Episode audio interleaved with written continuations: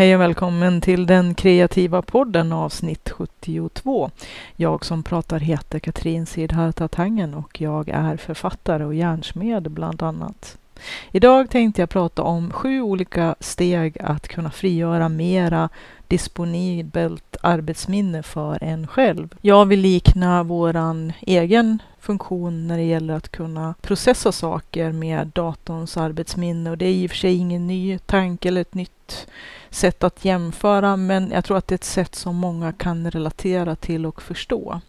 Den här liknelsen med datorns arbetsminne, det vill säga det utrymme som vi har för att kunna skiffla saker och ting som vi håller på med just nu runt. Det är ju ofta så att det här minnet, arbetsminnet, för det mesta är fullt. Så är det på datorer också. Då chokar de sig och eh, blir sega och det blir svårt att starta program och det är svårt att köra program och det blir en enda soppa av alltihopa. Oftast så står det mesta bara still. Och det är väl ganska mycket så som det kan se ut i vardagen när våra arbetsminnen är fulla. Ett annat sätt att uttrycka det på kan ju vara att när vi är för stressade och när vi har för mycket saker som pågår samtidigt, som också kan liknas vid datorns processer om man någon gång har tittat i den här äh, enhetshanteraren eller vad den heter, så kan man ju se att äh, de processer som pågår kan ju vara ganska många i en dator. Och de flesta syns inte på ytan utan det är bara några program tycker vi som vi kör men i bakgrunden så är det en väldigt massa olika processer och saker som pågår som inte syns för användaren.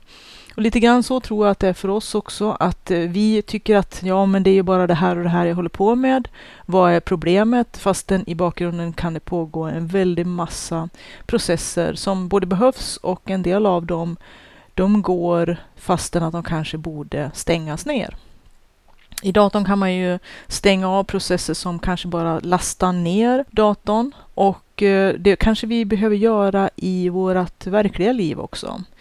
Jag följer nu en liten tråd här som har varit de senaste tre eller två gångerna, de senaste avsnitten i podden. Så lyssna gärna tillbaka på dem som handlar om att eh, skapa space, att skapa utrymme för sitt skapande. Men i det så behövs också någonting som eh, jag tror att vi kanske missar i våran stressade vardag när vi kanske lastar ner och tynger oss med en väldig massa parallella och samtidiga processer som gör att allting går väldigt segt. Och det är klart, det är lätt att säga, lite svårare att få syn på vilka saker som vi behöver ta itu med och kanske, kanske inte stänga ner för alltid, men eh, stänga en del processer när de inte är så hjälpsamma och försöka att skala ner de processer som pågår som skäl för mycket av våran vårt arbetsminne eller vår arbetskapacitet, vår disponibla processkraft. Mycket liknelser här med datorer.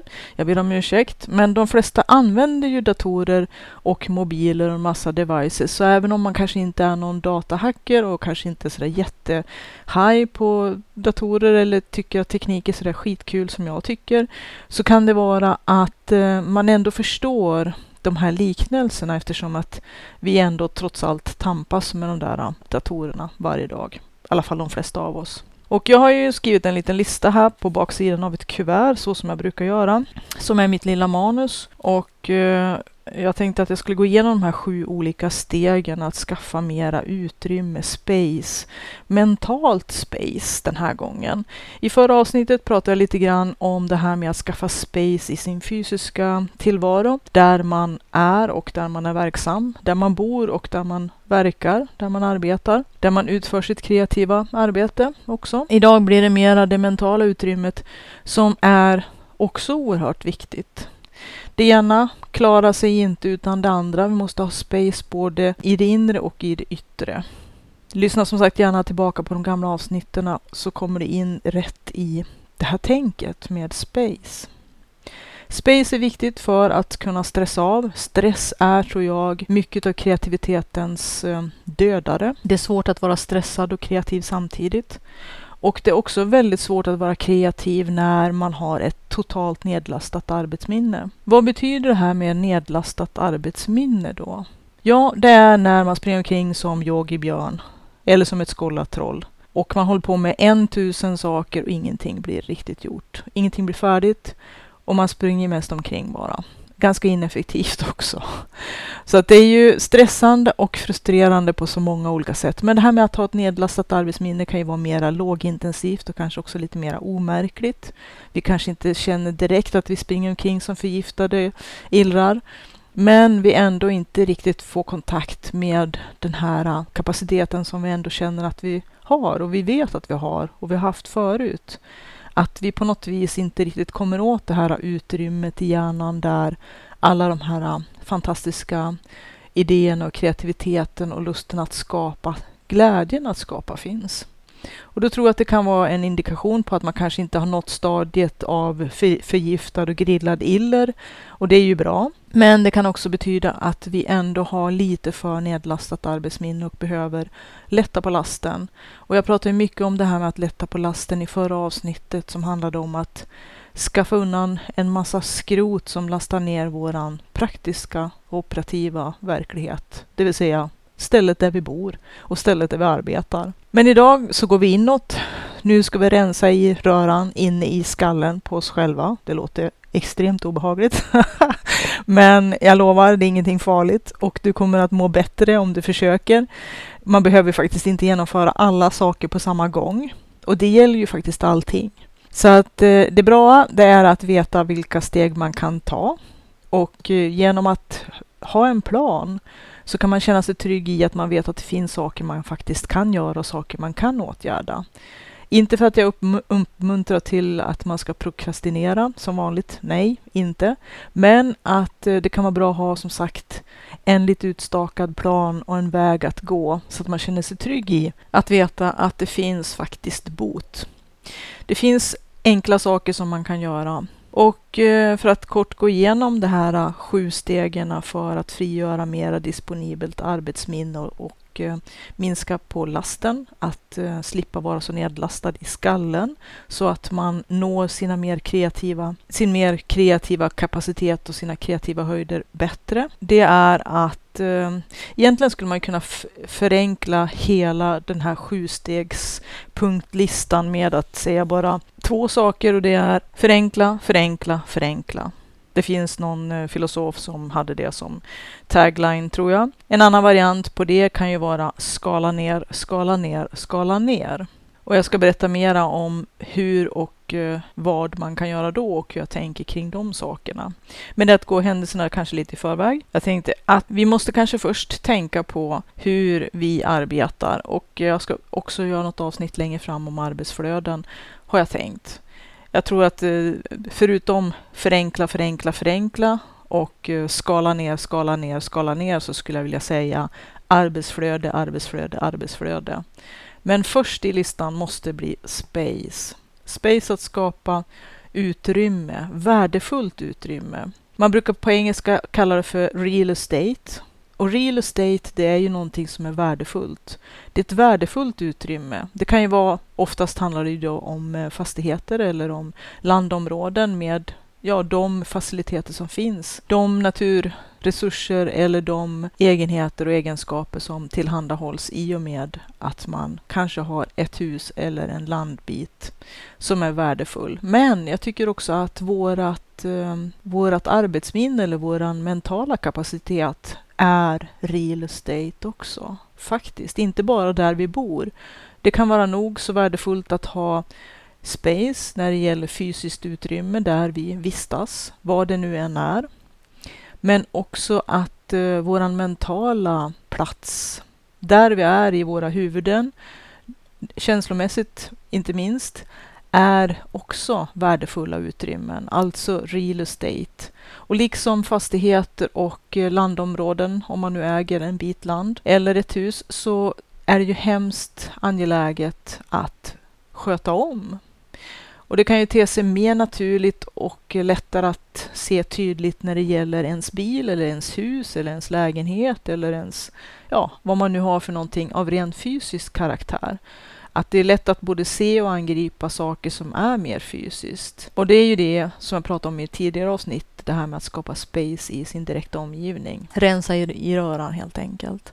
Men en sak som jag tror att vi belastar våra skallar alldeles för mycket med, det är våra ständiga och rullande påminnelser till oss själva om saker vi inte får glömma. Och jag vet att eh, Dave Allen har skrivit en hel del böcker som handlar om att få saker och ting gjorda, getting it done. Att eh, han förespråkar ju att eh, man ska föra lister, ha lite olika lister. Den som vill fördjupa sig mera i de olika arbetssätt och angreppssätt som finns när det gäller att hålla reda på sitt liv med lister kanske lite mer avancerat än bara den här to-do-listan som i och för sig kan vara nog så viktig. Jag ska inte gå in på jättemycket detaljer kring hur du eller hur jag för lister eller hur man kan använda lister för att helt enkelt tömma sitt arbetsminne. För det är det det handlar om. Att istället för att gå omkring och hålla reda på smör, bröd, skinka och gå till posten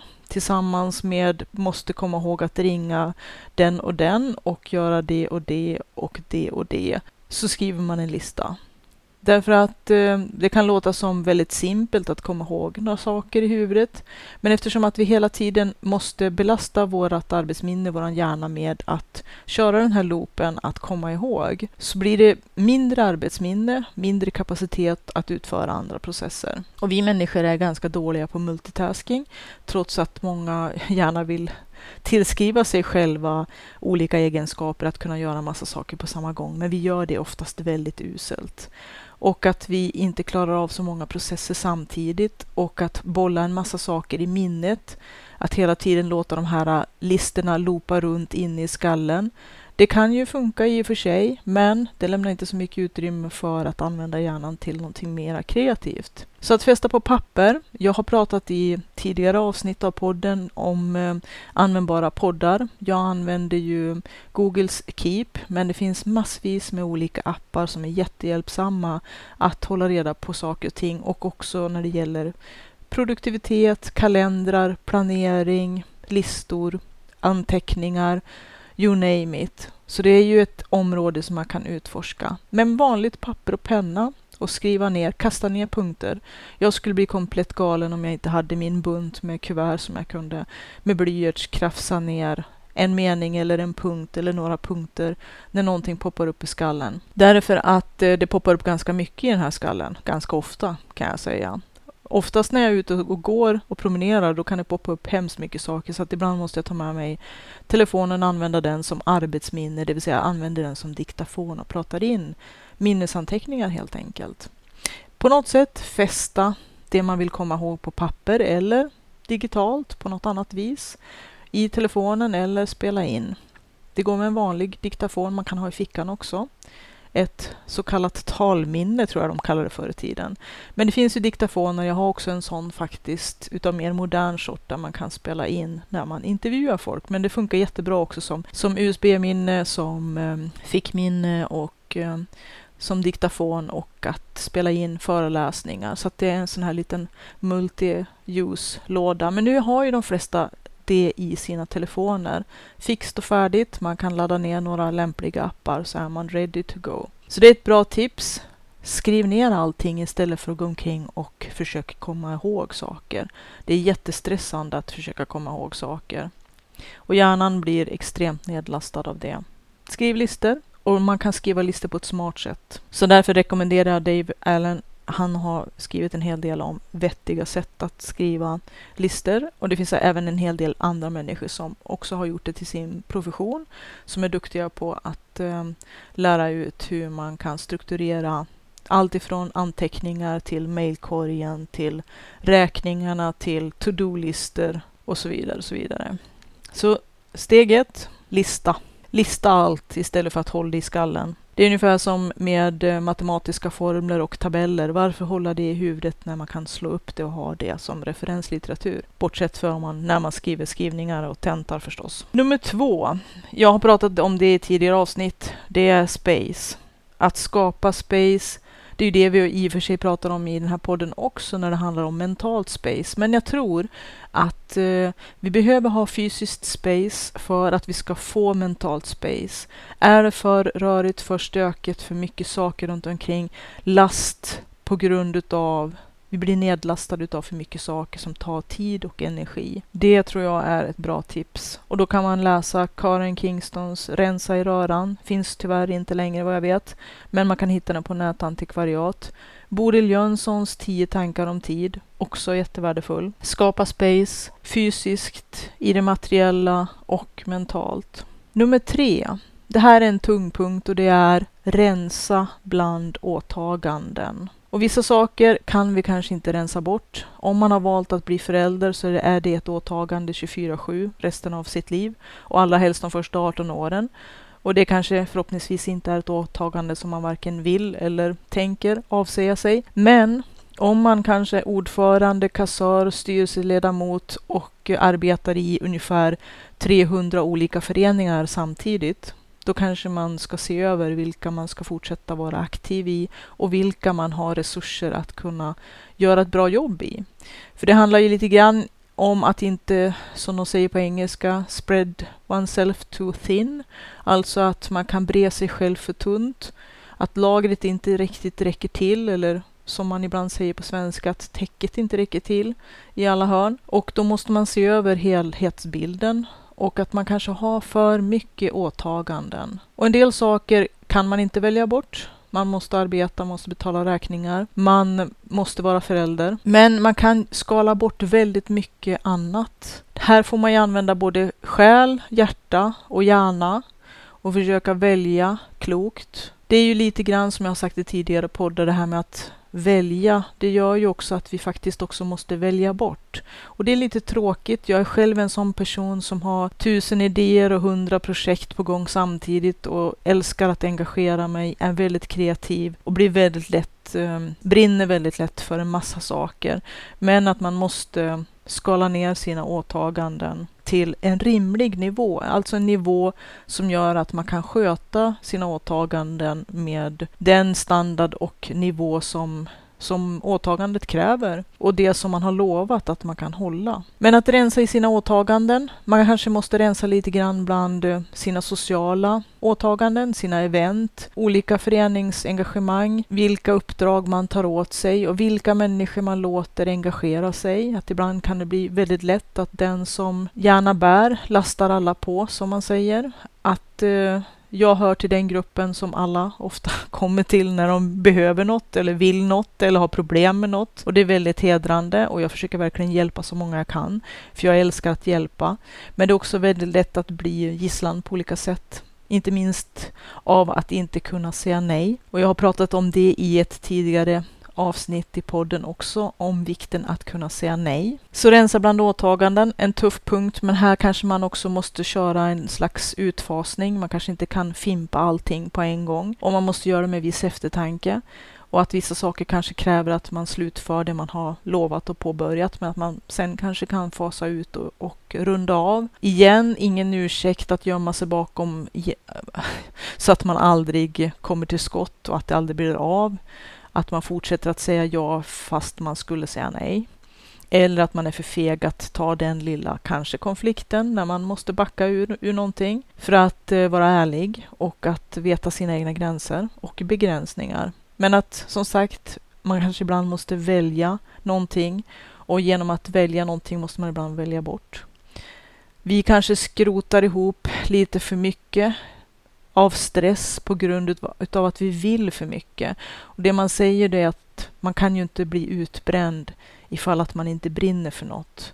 Och jag tycker att det är väldigt vackert att brinna för någonting och jag brinner själv för en hel del saker. Men att man också måste välja sina strider. Att man inte kanske kan vara aktiv och tongivande och eh, engagerad i precis i alla saker, i alla frågor. Och som jag brukar säga, en person kan inte göra allt. Men alla kan göra någonting.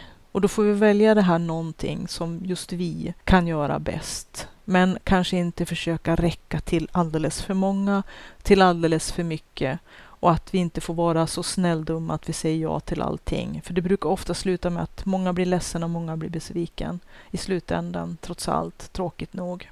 Så, rensa bland åtaganden, en tung punkt. Fyra, rensa ekonomin. Egentligen kanske den punkten skulle ha kommit före åtaganden, jag vet inte. Nu har jag inte skrivit den här listan i någon slags prioritetsordning eller i någon rangordning. Det finns inte någon punkt som är viktigare eller oviktigare utan man måste själv se vilka punkter som dels ehm, berör en själv och som kanske är ens problemområden. Och jag kanske också skulle ha inlett den här podden med att säga det som jag faktiskt hade planerat att säga men som jag glömde bort. Se där, skulle ha skrivit en punkt på min lilla lista här, men det föll bort. Och det var nämligen att eh, jag hade tänkt inleda podden med titta på dina omgivningar och dina åtaganden och ditt liv och dig själv och det som tynger dig mest och det som är som du upplever som det mest eh, tjafsiga och krångliga och mest stressframkallande och eh, ja, sånt som verkligen får håret att stå rätt ut och nerverna krypa utanpå skinnet. Alltså de här riktiga stressbomberna i livet. Man kanske ska sikta in sig på att eh, plocka några av dem. Jag har ju haft i en tidigare podd eh, den lilla filosofin eller det lilla tankesättet att när det gäller att eh, göra saker så kan man ju ha lite olika approach, lite olika strategi. Och ibland för mig så kan bästa strategin vara att, eh, som det lite populistiskt har kallats, bita huvudet av den fulaste grodan först, eller vad det brukar sägas.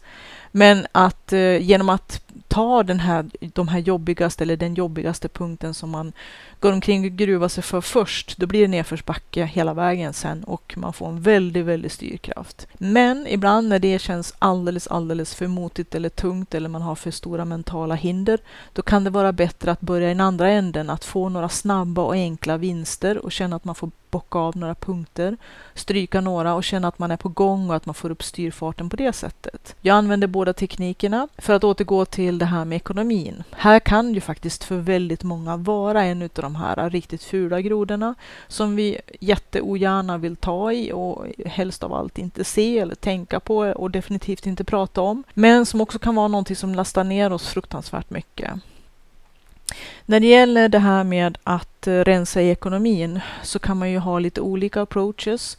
Och det finns en hel del människor som är riktigt duktiga på att prata om vad man kan göra för att styra upp sin ekonomi. Både på Youtube och det finns bra böcker också. Jag tänker inte i det här avsnittet fördjupa mig jättemycket kring det. Men min, eh, mitt tips kan vara att, som jag har pratat om förut, det här med att föra en loggbok eller en dagbok. Det kan ju göras både när det gäller att försöka mm, ta reda på vad man använder sin tid till, som jag har pratat om i något avsnitt tidigare, men det kan också användas för att spåra vad händer med mina pengar? Vad gör jag med mina pengar egentligen? Och genom att föra kassabok under en längre eller kortare tid kan man få en ganska tydlig bild av det. Men jag tror också att eh, det här med att skala ner, skala ner, skala ner kan vara jätteviktigt också i ekonomin. Och förenkla, förenkla, förenkla. Jag tror inte att alla har jättebra ekonomi och jag tror inte att alla har en jättedålig ekonomi heller. Vi är nog över hela kartan, lite allihopa. Och, men jag vet att oavsett vart man befinner sig i lönestatistiken och allt vad det nu kan vara för någonting, så brukar ekonomi vara en av de här stora punkterna i de allra flesta människors liv som kan ställa till det. Och det kan ställa till i relationer och det kan ställa till i ens kreativa liv på lite olika sätt. Dels att man inte får loss tid och plats och material och möjligheter för att man sitter fast kanske i något slags, slags ekonomiskt klammeri. Men det kan också vara att det leder till mycket konflikter och att en hel del utav de kreativa verksamheter som man vill syssla med kostar pengar. Så att det kan finnas lite olika aspekter på varför ekonomi kan bli en stor bromskloss.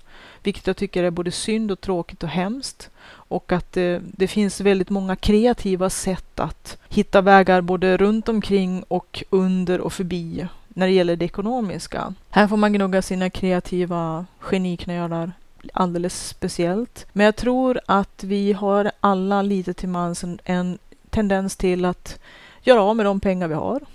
Och att eh, oavsett hur mycket vi tjänar så har vi eh, en liten tendens till att ligga lite över det som vi egentligen borde konsumera. Eh, lite över de eh, ekonomiska tillgångar vi har. Att vi kanske bor lite större än vad vår ekonomi tillåter. Vi kan känna oss kanske tvingade av olika skäl och ibland så kanske vi inte har så mycket att välja på. med tanke på att bostadsmarknaden ser ut som den gör på många ställen. Ekonomin, det finns mycket man kan göra. Och som sagt, jag tänkte inte göra det här till en lång ekonomisk eh, rådgivningspodd. Om du känner att ekonomin lastar ner dig alldeles ofantligt så kan det vara himla bra att ta tjuren vid hornen och eh, sätta igång. Det kan vara i det lilla, börja kartlägga din ekonomi. Det kan vara stora steg, skaffa ett mindre boende. Också igen, att se över sina åtaganden, att det jag kan bli lite irriterad på mig själv det är att det är väldigt lätt att dra på sig fasta kostnader.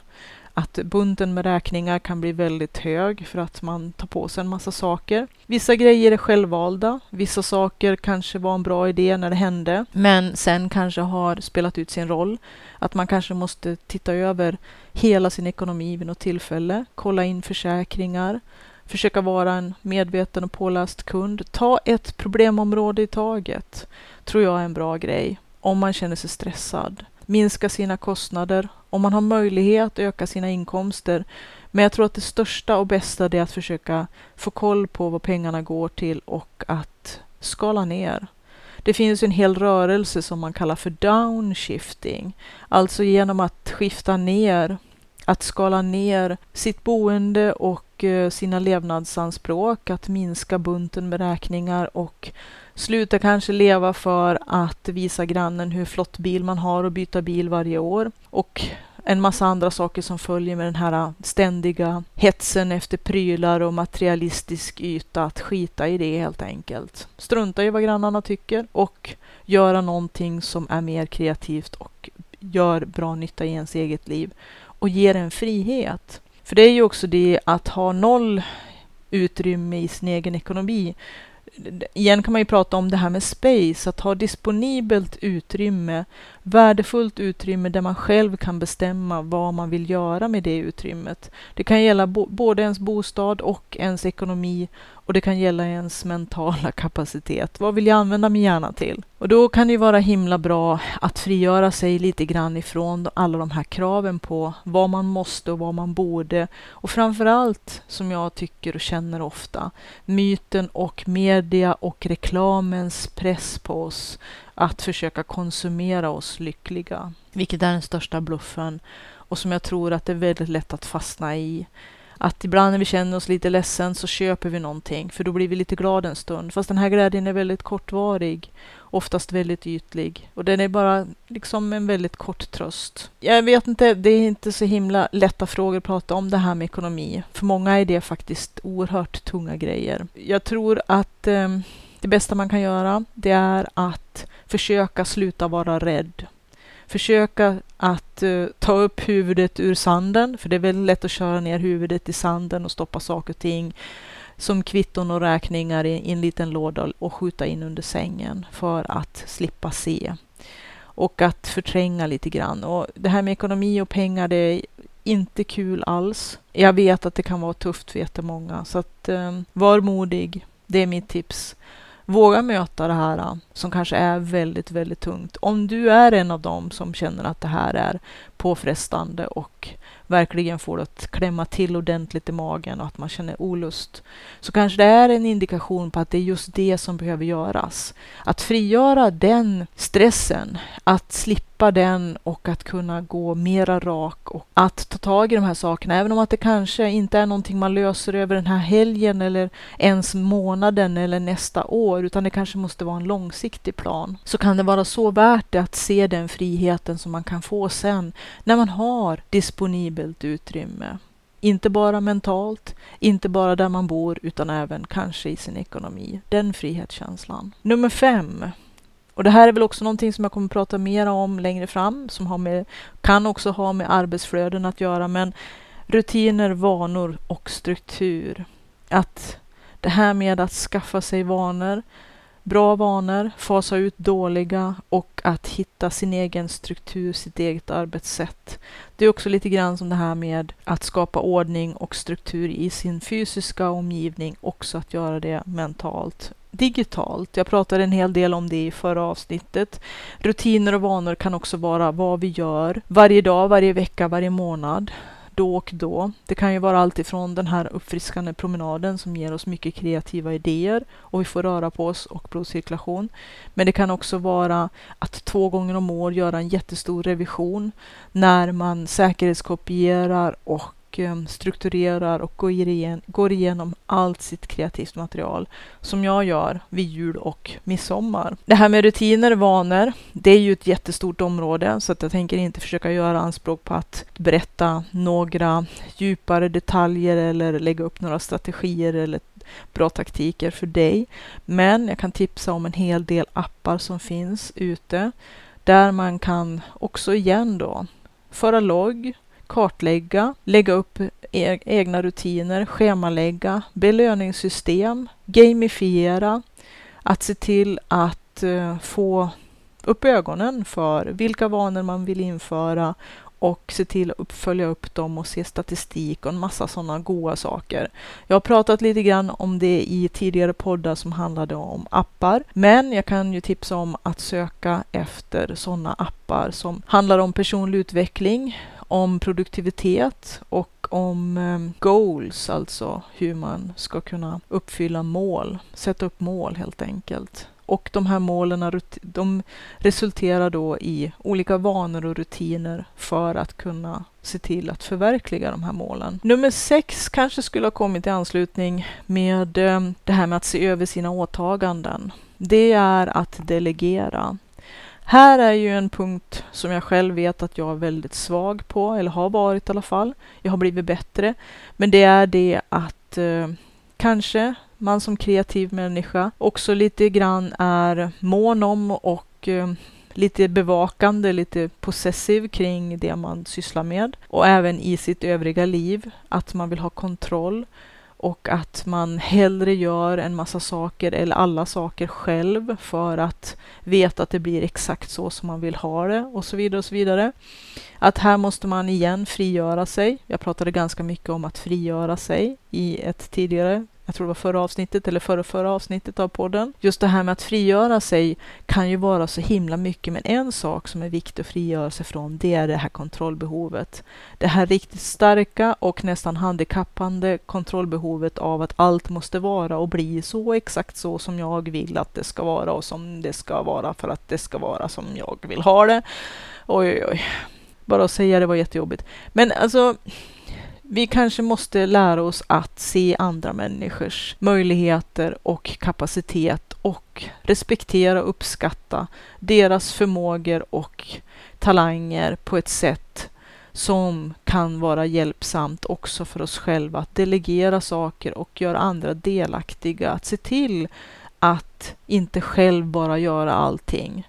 Själv är bäste dräng, fick jag lära mig tidigt och det finns väldigt mycket visdom i de orden, absolut. Men att man också samtidigt måste ge andra både möjlighet och space igen. Detta med utrymme, ge dem möjligheter att få utveckla sin egen stil, att få göra sina saker på sitt sätt och att de faktiskt kommer att göra ett bra jobb med rätt information, men att man också måste ge dem friheten och fria tyglar ibland att faktiskt göra jobbet på sitt sätt. Allting måste inte vara strikt efter vår egen hjärna. Då blir vi både ganska ensamma och det här med att delegera blir väldigt svårt. Jag har i sommar faktiskt delegerat en väldig massa saker så jag är mäktigt stolt. Och det är att jag samtidigt som jag ville skapa en del sommarjobb för sonen som inte är hans ja, vanliga sysslor för att det får inte konkurrera med det eller på något vis bli någon ersättning för saker som man faktiskt ska göra som familj. Att vi är ett team. Men att det finns vissa saker som är lite grann utanför de här vanliga vardagliga sakerna som vi ska göra i familjen som ett team som inte ingår i hans del utav det som vi gör hemma utan är lite extra eller saker som jag ser en stor poäng och som är väldigt viktigt att få gjort. Det måste vara riktiga jobb. Men att han gör vissa saker som eh, han får betalt för men som ska vara strikt och tydligt skilt ifrån saker som ja, som ingår som sagt i det här vardagliga som vi gör som familj och som team så att det inte blir någon slags transaktionsekonomi. För det tycker jag inte att varken familj eller relationer ska bygga på. Att om jag gör det, vad får jag då? Det känns inte okej. Okay. Men som sagt, saker som går utanför det vardagliga slitet och som inte är tillhör ens sysslor. Så han har fått helt fria händer efter noga och instruktioner göra en massa saker som till exempel städa ut uteköket och efter eget huvud plantera om eh, blommor och sånt här som eh, kanske för ett tag sedan skulle vara ganska svårt för mig att släppa händerna ifrån. Men att jag har gett honom instruktioner, gett lite information, stöttat och supportat och varit tillgänglig för frågor och sen har han fått gjort det precis på sitt eget sätt. Tagit före och efterbilder och det hörs väl kanske på min röst att jag är väldigt stolt och glad och att han har gjort det med den bravuren och med den glansen och att det blev faktiskt väldigt, väldigt bra på ett sätt som jag kanske inte riktigt hade förväntat mig för att han är ju ganska ung. Men också att det blev naturligtvis på ett helt annat sätt än vad jag hade tänkt mig. Eller kanske inte. Det kanske inte varit i detalj exakt så som jag kanske skulle ha gjort det, men det blev faktiskt väldigt, väldigt bra och kanske till och med mycket bättre än vad jag själv hade gjort det. Det är väl det som är det fantastiska med att låta andra människor få chansen. Att de kan ju faktiskt göra saker på ett helt annat sätt och det behöver faktiskt inte heller vara sämre och det kan till och med vara bättre och kreativt. Framförallt väldigt, väldigt kreativt. För att då får man plötsligt på nära håll se saker och ting göras på ett helt annat sätt än vad man själv skulle ha gjort. På gott och ont, en del saker kanske man känner att nej, så skulle jag inte gjort. Så skulle inte jag ha valt. Det är inte min grej eller det är inte min stil. Men man kan också upptäcka saker att wow, så där kan man också göra. Att jag inte tänkte på det. Eller det ska jag tänka på själv nästa gång. Att man kan få faktiskt väldigt mycket impulser. Det tycker jag är kul också med mina kunder när jag packar ordrar, att jag får se vad de har beställt.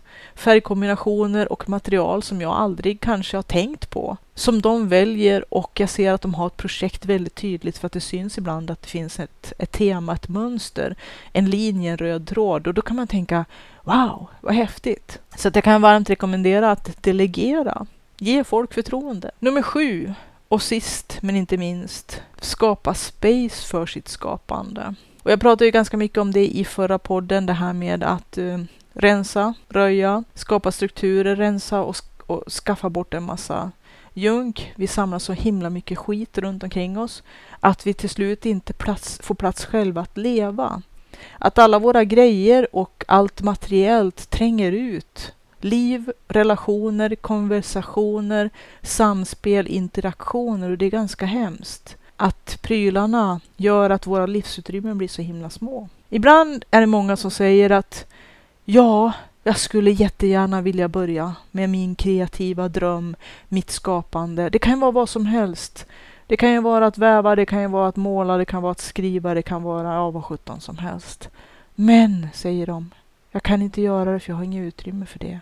Det finns ingen plats hemma, ingenstans jag kan sitta, ingenstans där jag kan hålla till, ingenstans där jag kan vara. Och då kan man ju först och främst naturligtvis se till att lyssna på förra avsnittet och förra avsnittet kanske i podden om det här med att rensa röran och kasta ut junket, omvärdera, utvärdera, se till att kanske förändra någonting i sin livssituation för att faktiskt möjliggöra. Att vi själva måste vara möjliggörare av vårt eget liv, av vår egen kreativitet. Det är ingenting som kommer flyga i händerna på oss. Inga flygande sparvar som kommer stekta i mun. Utan vi måste skapa utrymme, ibland nästan till och med armbåga oss till utrymme. Och då menar jag inte på andras bekostnad, utan jag menar det i vårt eget liv att ibland har vi ju verkligen kört fast. Och det kan ju vara det här att vi har byggt murar av materiellt. Vi har skapat utrymmen som inte är funktionella. Eller att, som jag skulle kanske ha sagt i förra avsnittet, är det du som äger dina ägodelar eller är det de som äger dig? I vilken ände av kopplet är man egentligen? Har man blivit någon slags arkivarie utav sina egna prylar? En ikonolog som hela tiden bara håller på att feja sina, sina hyllmetrar för att se till att ens ikoner, vilka det nu än är, om man samlar små statyetter eller porslinsfiguriner eller vad det kan vara för någonting. Är det de som äger dig? eller du som äger dem. Att vi kanske har blivit någon slags um, museivaktmästare som mest springer omkring och möjliggör utrymme för våra materiella ting att fortsätta finnas medan vi själva kanske mindre och mindre finns. Jag vet inte. Men jag tänker så här äh, att vi måste själva vara möjliggörare för vår egen kreativitet och att vi kanske måste göra upp med vårat eget skit kan man väl kanske sammanfatta det som. Det kan ju vara i och för sig vad som helst. Men att om vi inte har utrymme att skapa och vara kreativa, då är det någonting som är radikalt fel. Då har vi faktiskt skapat ett liv i ett utrymme där vi faktiskt inte trivs, där vi inte ska vara. Vi har inte rätta habitatet. Och att det kan ju vara hårt att säga det. Men att då måste vi omdana det vi har till ett habitat där vi kan få göra det vi är tänkta att göra, att bli det vi är tänkta att bli. Eller kanske till och med radikalt, radikalt se oss om efter någonting nytt. Som jag pratade om i tidigare poddar, att ibland måste man låta det gamla gå för att kunna öppna upp en dörr för någonting nytt. Men det här med att skapa space för sitt skapande kanske inte bara hänger på att vi har det rätta spacet hos oss själva. Det kan också vara andra vägar man kan gå. Att vara lite kreativ i det här. För det kan ju också vara som sagt en ekonomisk fråga. Om man jobbar 75 procent på sjukhuset och har tre barn och måste ha ganska stor bostad etc. etc. Och det är väldigt mycket som ska få plats i den här bostaden så kanske inte finns mycket utrymme för en skapande, i alla fall inte just nu i den livsfas som man är just nu medan barnen fortfarande bor hemma. Men det finns andra vägar. Man kan låna, man kan byta, man kan ha vänner, man kan skapa nätverk, grupper, ha utbyte med andra människor. Man kan uppsöka kaféer, man kan sitta i väntrum. Man kan sitta i foyer till hotell. Man kan faktiskt hitta de här äh, placen där man kan skapa och vara kreativ som passar en själv med lite öppen vakenhet, kreativitet och att våga prova lite nya grepp. Man kan till exempel om man har någon vän som har ett utrymme fråga om man kan få låna det. Om man har det, den typen av tillitsgrad och förtroende hos varandra.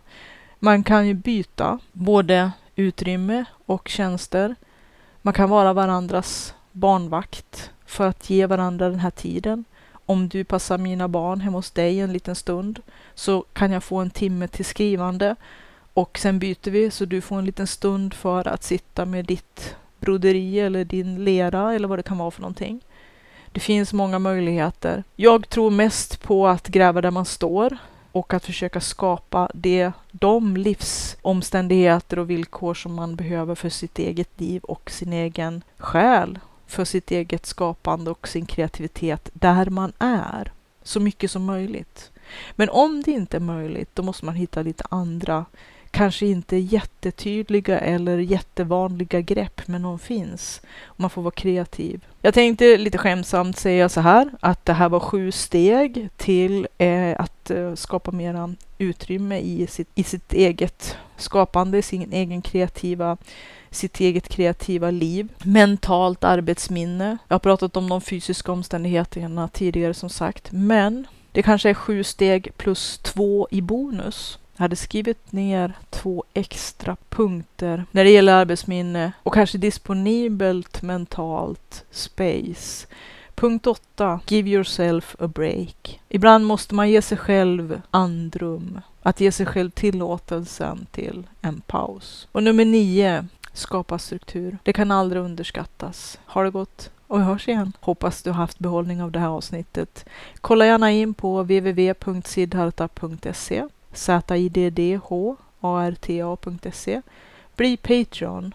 Supporta den här podden på www.patreon.com slash siddis.